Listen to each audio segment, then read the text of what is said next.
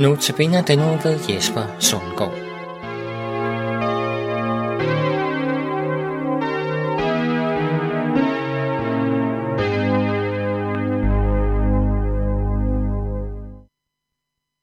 Vi øh, skal i dag kigge på øh, nogle flere gode nyheder. Vi har set på de gode nyheder for syndens slaver, for frygtens slaver og for skammens slaver. I dag skal vi så se på de gode nyheder for syndens slaver. Døden er selve livets fjende. Den rammer os som en kold, klam og kynisk virkelighed. Jeg har selv stået der ved graven af en, jeg holdt rigtig meget af. Jeg har båret en kiste af en kær afdød. Og det er forfærdeligt. Døden tager ingen hensyn. Den rammer børn, unge og ældre. Den rammer de, der har været søde og rare, og den rammer dem, der har faret frem i deres ondskab. Den begravelse, der har gjort størst indtryk på mig, var begravelsen af en kun 10-årig pige. Livsglad, utrolig sød pige. I det øjeblik er der kun tårer og sorg, mens den eneste dominerende tanke er, det her er så meningsløst. Sådan burde det ikke være. Og den tanke er faktisk ikke bare taget ud af den blå luft. For oprindeligt var døden ikke en naturlig del af det at være et menneske.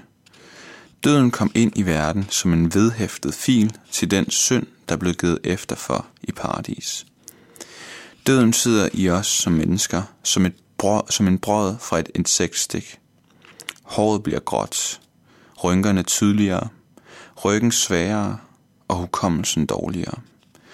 Vi oplever forskellige sygdomme og kan blot konstatere, at hvor meget vi end kæmper imod, så forældes og svækkes vi som mennesker stille og roligt, når vi er rundet de 25-30 år eller deromkring.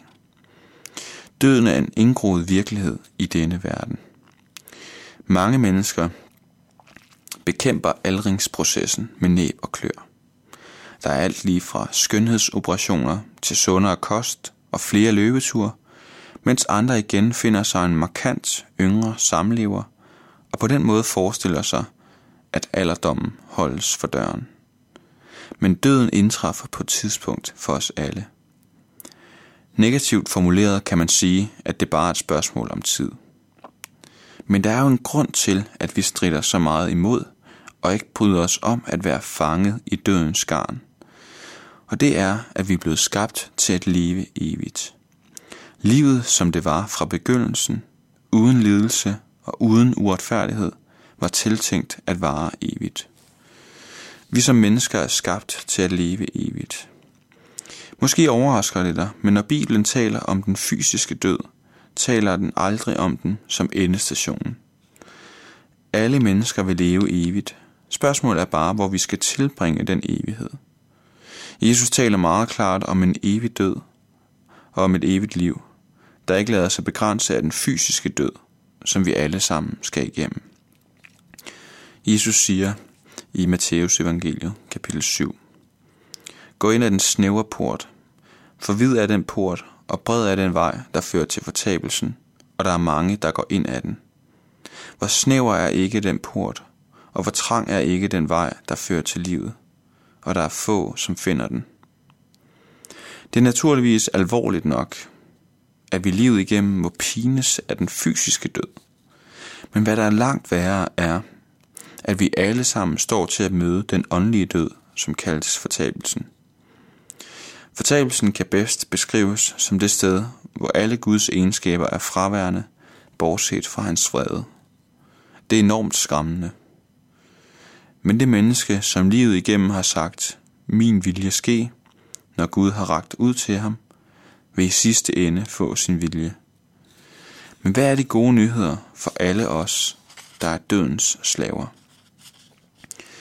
Jo, de gode nyheder er, at Jesus Kristus tog vores plads. Du og jeg fortjente at dø, og kunne intet gøre for at komme ud af døden. Men da Jesus døde lang fredag, var det ikke bare for at vise os medlidenhed. Han døde en stedfortrædende død. Du og jeg fortjente at hænge på det kors, men Jesus hang der i stedet. Men var han blot gået i døden, havde vi ikke dermed et håb om at overvinde døden. Derfor er det utrolig gode nyheder, at Jesus rent faktisk opstod igen.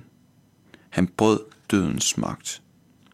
Hvis du vil vende om for din synd, alt hvad der er Gud imod, og tro på Jesus, ja, så bliver bruden, brudet med dødens magt også en virkelighed for dig. I dag begynder flere og flere præster og mennesker at benægte, at Jesus nogensinde er opstået fra de døde. Men Bibelens ord taler klart. Jesus brød dødens magt, ikke bare som en idé, men i virkeligheden. Og det giver os håb for dig og mig. Og hvilken forskel gør det så? Jo, det gør den afgørende forskel, at du og jeg ikke længere behøver at frygte døden. For tror du på Jesus, er du koblet sammen med ham, og så skal du opstå ligesom ham. Så kan du frimodigt sige med Paulus, Døden er opslugt og besejret. Død, hvor er din sejr? Død, hvor er din brød? Frimodigt kan du gå livet i møde, for nu har du fået del i et håb, der rækker igennem døden. Du er reddet fra den åndelige død, og det kaster et helt nyt skær over den fysiske død. Nok skal du dø engang, og den, der dør uden troen på Kristus, fanges af den åndelige død, fortabelsen. Men du, som lever med Kristus, for dig er døden indgangen til evigt liv med Kristus. Paulus kalder lige frem døden en vinding, altså en fremgang. Du har ikke noget at være bange for, for som Kristus opstod i kød og blod, sådan kan du også i fuld tillid hilse dit eget køds opstandelse velkommen. Det er virkeligheden for dig, som tror på Kristus Jesus.